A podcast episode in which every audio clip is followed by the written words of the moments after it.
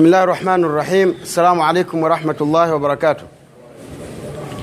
الحمد لله رب العالمين والصلاة والسلام على أشرف الأنبياء والمرسلين سيدنا ونبينا محمد وعلى آله وأصحابه أجمعين أما بعد watukufu waislamu baada ya kumshukuru allah subhanahu wa taala na kumtakia rehma mtume wetu muhammadin tunamshukuru allah subhanahu wa taala ambaye katujalia kuweza kutekeleza ibada hii ya swala kwa jamaa. Na tunamwomba mwenyezi mungu subhanahu wa taala aifanye swala hii ni kafara ya madhambi yetu. Na ni sababu ya kufutiwa madhambi ya ndugu zetu ambao waliotangulia. Lakini pia ibada hii ya swadaka ndugu zangu kila mmoja anayetoka mwenye haraka ahakikishe anaacha chochote ambacho kitaweza kusaidia eh, nyumba ya mwenyezi mungu subhanahu wa taala kuwaka. Kwa sababu chochote kidogo unachokitoa unalipwa kwa allah subhanahu wa taala. Leo mwenyezi mungu akipenda tutazungumzia mambo muhimu ambayo huenda mwanadamu watu wengi sana wanaghafilika na mambo haya. Sasa leo nitayakumbusha na kwa sababu tuko katika mwezi mtukufu wa ramadhani ikawa ni sababu ya kuyafanyia kazi na kujipatia manfaa makubwa. Twasema mwezi mtukufu wa ramadhani ni mwezi wa dua. Mwenyezi mungu subhanahu wa taala alivyoshusha aya zinazozungumzia kufaradhishwa kwa mwezi mtukufu wa ramadhani mwisho kabisa alimalizia na aya ambayo iliyotuhusia na kutuamrisha tumwombe mwenyezi mungu kwamba yeye allah subhanahu wa taala anajibu dua za watu wenye kumwomba pale aliposema wa idha salaka ibadi anni fa inni qaribun. Na pindi watakapokuuliza waja wangu kuhusiana na mimi basi mtume sallallahu alaihi alehi wa sallam awaambie kwamba mimi niko karibu. Ujibu dawata dai idha daani. Ninajibu dua ya waja wanaponiomba pindi wanaponiomba. Kisha mwenyezi mungu akatoa nasaha akasema falyastajibu li waliyuminu bi laallahum yarshudun. Basi na wao waitikie maamrisho yangu. Wakitaka mimi niwape watii amri yangu ninayowaamrisha. Na kisha waniamini kwamba mimi ndio mwenyezi mungu subhanahu wa taala ili waweze kupata uongofu kwa allah subhanahu wa taala. Kwa hiyo leo mwenyezi mungu akipenda nimekuja kukuzungumzia mawatinu listijaba kwamba ni nyakati gani ambazo mwenyezi mungu subhanahu wa taala akiombwa basi asilimia mia mtu majibu yake anayapata dua yake inajibiwa. Tukiwa katika mwezi mtukufu wa ramadhani ndugu zangu ni mwezi ambao mwanadamu au mwislamu anatakiwa ajipinde anatakiwa afanye juhudi anatakiwa amwombe mwenyezi mungu subhanahu wa taala. Sasa kwa kuwa ni mwezi wa dua ni mwezi wa ibada ikawa kwamba hakuna budi tuyazungumzie haya jambo la kwanza au sehemu ya kwanza ambayo mwislamu anatakiwa asipoteze nafasi hata moja kila wakati awe ni mwenye kumwomba mwenyezi mungu subhanahu wa taala ni pale ambapo mwenyezi mungu anapomfikisha katika kumi la mwisho kumi la lailatu lqadr kumi la, leilatu lqadri ndugu zangu sio tarehe ishirini na saba. Ni kumi nzima kuanzia tarehe ishirini mpaka mwezi unaandama. Kwa hiyo nimependa nitangulize taarifa hii kabla hatujaingia katika hilo kumi ambalo ndo tunalikimbilia. Tunamwomba mwenyezimngu atufikishe. Basi kama tutafika tujue kwamba kuingia tu katika katika leilatu lqadiri katika kumi ambalo inapatikana ndani yake usiku wa leilatu lqadiri basi ni moja katika fursa adhahabia ni moja katika nyakati muhimu sana za mwislamu kumwomba mwenyezimngu na mwislamu anapomwomba mwenyezi mungu katika katika haya masiku kumi ya kuitafuta lailatu lqadir basi dua yake na maombi yake ni mustajabu. Ndugu zangu katika iman lailatu lqadir masiku kumi ya kuitafuta lailatu lqadir mwislamu anapomwomba mwenyezimngu subhanahu wa taala basi dua yake inakuwa ni mustajab kwa hiyo tusije tukayapoteza masiku haya ndugu zangu tujitahidi tuyafanyie kazi tuyatumie vizuri kwa sababu kufikishwa katika masiku haya ni moja katika neema kubwa za mwenyezi mungu juu yetu. Hii ni sehemu ya kwanza. Lakini sehemu ya pili katika mawatinu listijaba sehemu ambayo mwenyezi mungu subhanahu wa taala anapoombwa katika sehemu hizo allah subhanahu wa taala anajibu dua.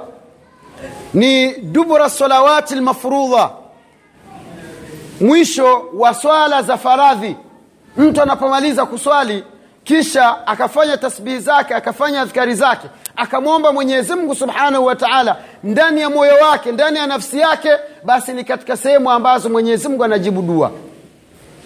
Na tunapozungumzia mahala hapa hatuna maana ya kwamba yule imamu aliyetuswalisha ndio atuombee yeye. Hakuna sehemu ambayo imethibiti kwamba mtume salllahu alaihi wasallam baada ya kuwa amemaliza kuswali swala, swala, swala ya faradhi kwamba alikuwa anawaombea masahaba mtume salllahu alaihi wasallam alikuwa anapomaliza kuswali anasema allahumma allahumma ainni ala dhikrika wa shukrika wa husni ibadatika. Haya ni maneno ambayo yalihifadhika kwa mtume salllahu alaihi wasallama akijiombea mwenyewe na anapojiombea mwenyewe ni kwamba tunafundishwa na sisi tuombe kama alivyokuwa akiomba nani? Mtume wetu muhammadin salllahu alaihi wasallam. Maana ya maneno haya ni mazito ndugu zangu. Mwislamu usidanganyike usi, usi, usi kwamba wewe kutekeleza swala na ukaondoka kwamba ndio ukamilifu wa swala yako. Mwombe mwenyezi mungu ile swala uliyoiomba aikubali mwenyezi mungu subhanahu wa taala.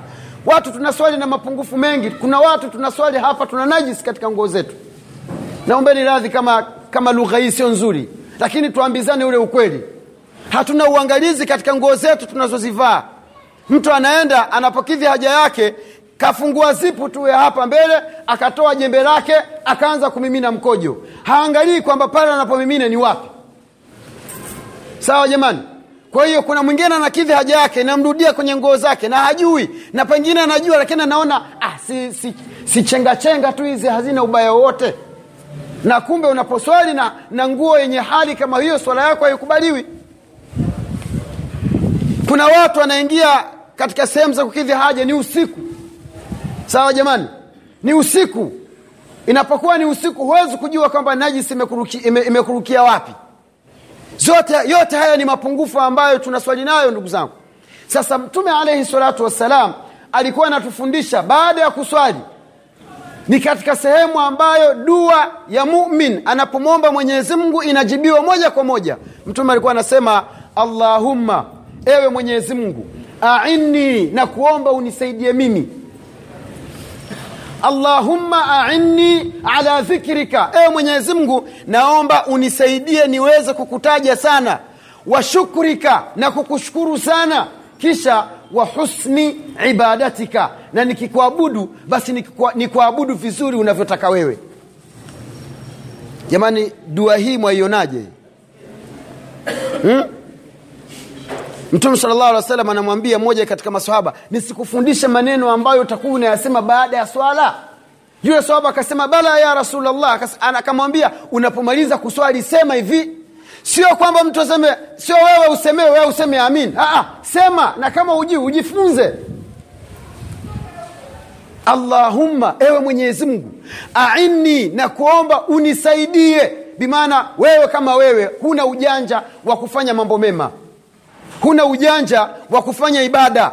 Unahitaji msaada kutoka kwa allah subhanahu wa taala ndio mtume salllahu alehi wasalama akatufundisha na sisi tuseme baada ya kumaliza swala ewe mwenyezimngu nakuomba unisaidie kukutaja mwenyezimngu subhanahu wataala na kukushukuru mwenyezi mungu subhanahu wataala na kisha nikikuabudu basi nikuabudu vizuri. Kumwabudu mwenyezimngu vizuri ni kumwabudu kulingana na jinsi alivyofundisha yeye mwenyewe allah subhanahu wataala au mtume wake muhammadin salllahu alaihi wasalama alivyotufundisha kwa hiyo ndugu zangu dubura salawati lmafrudha mwisho wa swala za faradhi ni katika mawatinu listijaba ni katika sehemu ambazo dua inajibiwa. Kwa hiyo msabih mwenyezi mungu vizuri na mdhukuru mwenyezi mungu taja tasbihati zilizotajwa subhanallah alhamdulillah allahu akbar. Katika hadithi zingine soma qul huwa llahu qul audhu birabi lfalaq qul audhu birabi nnas na ayatu lkursi hizo ndio hirizi za waislamu hirizi za waislamu sio kuvaa mifundo kuvaa uzi hujui yule mganga wa kenyeji kaweka nini pengine kaweka mifupa ya panya pengine kaweka mifu, mifupa ya paka pengine kaweka mavi ya kuku pengine yani kaweka vitu vichafu katika hirizi. Wewe umevaa kwamba ndio kinga watu wasi, watu, watu wasikuhusudu ni vitu ambavyo ni vichafu. Huwezi kujua kuna nini mle ndani. Na hata kama ukijua kuna nini mwenyezi mungu anatupenda sisi. Hapo unapotembea ndugu zangu hapo ulipokaa kuna malaika wanakuzungukazunguka wanakulinda. Sawa jamani? Kila siku mwislamu anapotembea ana malaika wa kumlinda ana malaika wa kumchunga. Wakati mwingine unaendesha pikipiki washtukia mdudu anakuja kwenye jicho moja kwa moja. Alafu wewe bila kujua unafumba jicho umemwona wapi yule mdudu kama anakuja kwako? Na mbona umefunga? Yaani hapo haujui tu. Wakati mwingine unakwenda unataka kujikwaa. Sawa jamani? Unashtukia umeshanyanyua mguu ana mbele yako kuna kisiki au kuna nondo. Wakati mwingine unakanyaga na ndara kabisa msumari unaingia kwenye kiato mpaka unakupata. Yaani kiasi cha kwamba huu ah, ni msumari bwana alafu unachukua wewe unatoa tu ule msumari. Yaani wewe unahisi kwamba ni ujanja wako unatembea vizuri. Hii yote kwamba ni malaika mwenyezi mungu anatupa twende nao ili waweze kutulinda. Na hawa wanashifti baada ya salatu lasri wanaondoka wanakuja wengine kwa ajili yako wewe. Kwa hiyo ni, ni wajibu wewe umwombe mwenyezi mungu subhanahu wataala akulinde. Ni wajibu mwombe mwenyezi mungu shida zako. Wewe mwenyewe ndiye unayejijua kwamba una shida zipi na si vibaya ukamwambia mtu bwana niombee bwana nakuomba uniombee nipate mtoto. Ukamwambia dua na lengo nalolitaka wewe. Lakini sio kila siku kwamba tunaposwali misikitini tusubirie kuombewa na imamu mtume alaihi salatu wassalam alikuwa anawafundisha kwamba sema hivi baada ya kadhaa sema hivi baada ya kadhaa sema hivi baada ya kadhaa kuonyesha kwamba kuna umuhimu wa wewe mwenyewe kuijua nafsi yako na kuijua shida ambayo unayo na matatizo aliyokuwa nayo ili uweze kumwomba allah subhanahu wa taala. Hii ni sehemu ya pili katika sehemu muhimu ambazo unatakiwa ujipinde usizipoteze sehemu hizo. Sehemu nyingine ni katika sijida unapokuwa katika sijida ni, ni sehemu ambayo mwanadamu anakuwa karibu sana na mwenyezi mungu. Unaongea naye kabisa. Ama hatujui kama tukiwa kwenye swala ndugu zangu tunaongea na mungu. Hatujui. Hebu angalia unavyoongea naye unasema allahu akbar. Unaanza kusoma suratu lfatiha suratu lfatiha ni kama vile unaongea na mungu moja kwa moja live. Alhamdulillahi rabilalamin arrahmani rrahim maliki yaumiddin iyak unaanza kumwambia sasa. Ndio kama unamwambia iyaka nabud wa iyaka nastain. Ihdina sirata lmustaqim waongea na mwenyezi mungu. Unapokwenda kwenye sijida unamwambia hivi subhana rabbiya lazim wa bihamdi. Subhana rabbiya lazim wa bihamdi waongea naye subhana rabbiya unaponyanyuka unasema rabbana laka alhamdu حمدا كثيرا طيبا مباركا فيه ملء السماوات وملء الارض وملء ما شئت wamsifu mwenyezi mungu wamtaja mwenyezi mungu unampa sifa ambazo hakuna kiumbe yoyote ambaye anaweza kusifiwa sifa kama hizo rabbana laka lhamd ewe mwenyezi mungu wewe ndio mwenye sifa hamdan kathiran sifa nyingi tayiban nzuri mubarakan fi zenye baraka mila lsamawati wa mila lardi wa mila mashita ambazo zimejaa mbingu zikajaa ardhi na zimejaa na vitu vingine ambavyo unavitaka wewe. Kisha unakwenda kwenye sijda unamwambia subhana rabbiya lala wa bihamdi. Utakasifu ni wako ewe mwenyezi mungu uliokuwa wa juu na sifa ni zako waongea naye waongea naye waongea naye. Unapotoka unasema rabbi ghfirli warhamni. Unaongea naye. Unapofika katika sijida baada ya kumsabih mwenyezi mungu ukamtukuza mwenyezi mungu mwambie shida yako shefu mwambie. Mwambie sasa mungu bwana hapa mimi na wewe. Mungu nimekuja. Mimi na matatizo kadha wa kadha wa kadha wa kadha. Zungumza na mungu. Mwambie mwenyezi mungu kwa hiyo katika mawatinu listijaba sehemu ambayo ni muhimu kwako wewe katika sijida lakini chunga usitofautiane na imamu unapokuwa unaswali nyuma ya imamu. Kuna mtu anasikia maneno haya basi imamu akisujudu akitoka yeye anabaki mpaka imamu anatoa salamu. Hiyo inaweza ikafanya swala yako ikawa ni batil kwa sababu umetengana naye umetofautiana na imamu. Mtu anadeka anapokuwa anaswali usiku yuko peke yake tena na mke wake hajui jamani wanaojenga nyumba sasa hivi tujenge nyumba lakini tuache sehemu ya mungu. Usi, usikodolee vyumba vya kupangisha au wapangisha. Nyumba mtu hata mgeni akija hana hata pa kuswalia. Hauna hata pa kumwomba mungu. Kwamba mimi ngoja na shida zangu naingia faragha kidogo. Sawa? E, watu wakinitafuta waambie niko niko faragha. Tena na, na, na kile chumba unakipa jina. Jina zuri tu. Sawa si lazima lakini kwa sababu ya kupenda ile sehemu kwamba ndani ya nyumba yako kuna sehemu maalum kwa ajili ya mungu. Sasa ikiwa ni usiku unataka kuamka mwakimbiana saa zingine na mke unanyata kidogo. Ili asikusikie kwamba unaenda. Huyo unaingia chumbani kwako. Unaenda sasa kuongea na mungu unamlilia huko. Na ikiwezekana u, ujilize. Hata kama machozi hamna ujilize wakati unapoomba. Maake kuna watu hata avute hisia zote chozi halitoki kulingana na nyoyo zilivyokuwa ngumu kama mawe. Basi jiliza hivyo hivyo. Mungu mimi nahitaji. Jiliza hivyo hivyo. Ukiwa wewe na mwenyezi mungu subhanahu wa taala. Na ukifanya hivyo ni katika wale watu watakaokuwa katika kivuli siku ya kiama siku ambayo hakuna kivuli isipokuwa kivuli chake. Wa rajulun na mtu dhakara llah aliyemtaja mwenyezi mungu khalian akiwa peke yake hakuna anayemwona. Ukavuta hisia za mungu kaumba mungu anaadhibu. Mungu anafanya hivi. Mungu anafanya hivi. E, mungu naomba tusamee tutakimbilia wapi sisi siku ya kiama chozi likamtoka. Weza kujiliza mpaka machozi yakaja. Wasanii kwenye mamuvi wanalia bwana utashinda wewe chumbani kwako usilie. Hmm? ama amuwaoni wakilia. Mwanaume asaa alia na babu. Babu kabisa alia na machozi yanatoka kwa hiyo ndugu yangu katika imani ukiwa katika sijida min mawatini listijaba ni katika sehemu muhimu pa kujibiwa dua yako. Mwombe mungu somu ya leo mwenyezi mungu naomba. Pia un, unijalie kuwa ni katika wale waliokubaliwa somu zao. Usijipe asilimia mia kwamba mimi nafunga somu zangu makbul. Tunafunga lakini vijiwenu tukikaa macho hatuyainamishi chini. Viumbe vyote vinavyopita ni haki yako wewe waangalia tu. Mwanamke unaanza kumwangalia usoni akija unamwangalia alivyo. Akishapita shetani mawazo ibilisi nafsi yako. Shetani anakwambia geuka huku. Unageuka unaangalia na huko nyuma kuko vipi? Umefunga. Tuna somu tunazifunga lakini katika vijiwe tuna maneno machafu tunavyoongea. Mtu asikilizike akiwa na kauli nzuri na mtume anasema qaulu maruf sadaka mtu kusema maneno mazuri ni kama vile thawabu zake analipwa kama mtu aliyetoa sadaka atabasumu fi wajhi akhika sadaka kutabasamu katika uso wa ndugu yako mwislamu ni kama uliyetoa sadaka. Lakini tunafunga somu na tuna mapungufu mengi ndugu zangu. Kwa hiyo us, usi, usikae nyuma. Jitahidi sana kumwomba mwenyezi mungu aikubali somu yako. Katika swala zako za usiku simama. Hata rakaa moja. Basi hata usiswali basi amka kaa chukua kitabu cha qurani usome. Baada ya kusoma nyanyua mikono yako. Wewe na mungu hakuna anayekuona wakati mwingine mtu aweza kuingiwa na jeuli kwamba ah, mimi ndio topo hapa. Kila siku mimi sindo naswali tofu ya kwanza. Anaingia kile, kile kiburi na, na riaa amali zake zote zikaporomoka. Lakini unapoamka usiku ni wewe na nyumba yako ni wewe na chumba chako. Watoto wamelala mke wako amelala hakuna anayejua kwamba wewe unafanya ibada. Pale sasa ndio, ndio ikhlasi yenyewe pale. Sawa jamani? Kipengele cha tatu katika mawatinul listijaba inda nuzuli lmatar mvua inavyonyesha na katika hizi siku tuna neema. Mvua hii inanyesha lakini hatujui kwamba mvua inaponyesha inanyesha na neema.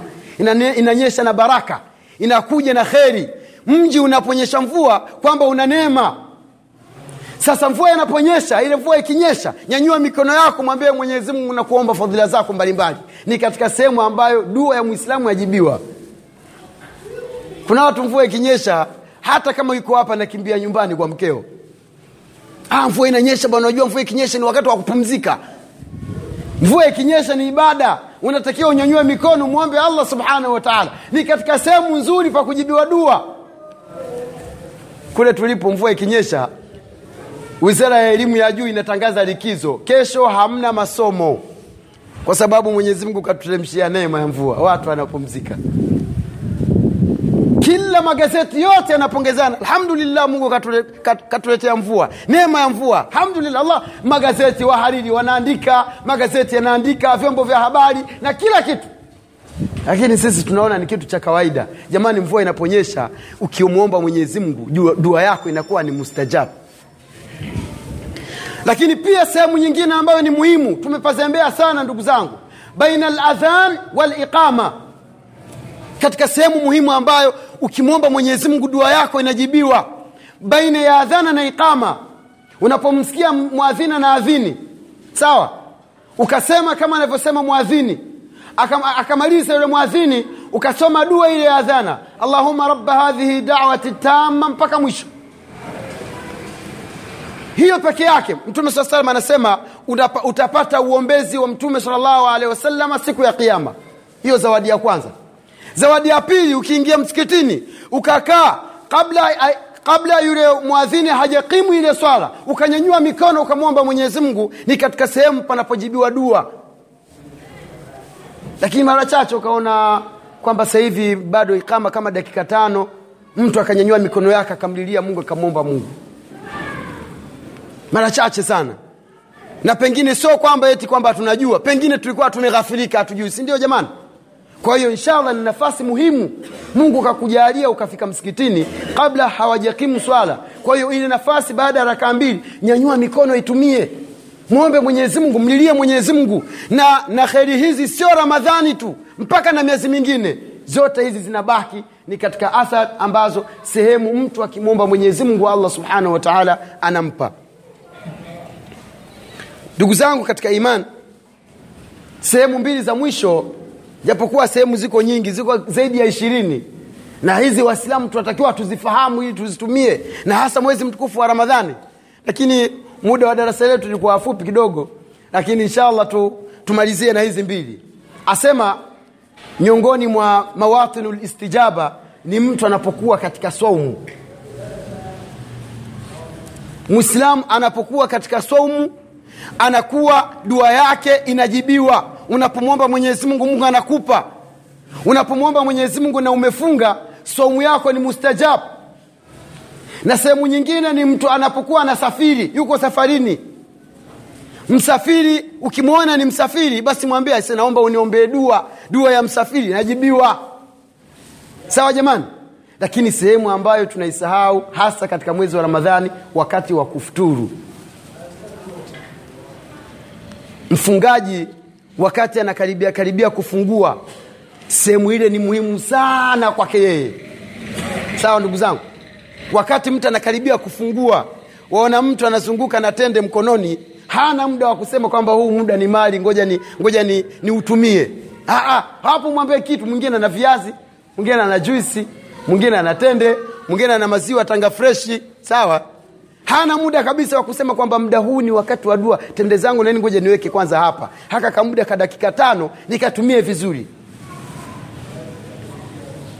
Tumezipoteza sana. Au mwasemaje? Sana tena tumezipoteza. Mimi niseme kwamba tukiwa katika mwezi mtukufu wa ramadhan basi hiyo sehemu ni muhimu sana tuitumie jamani.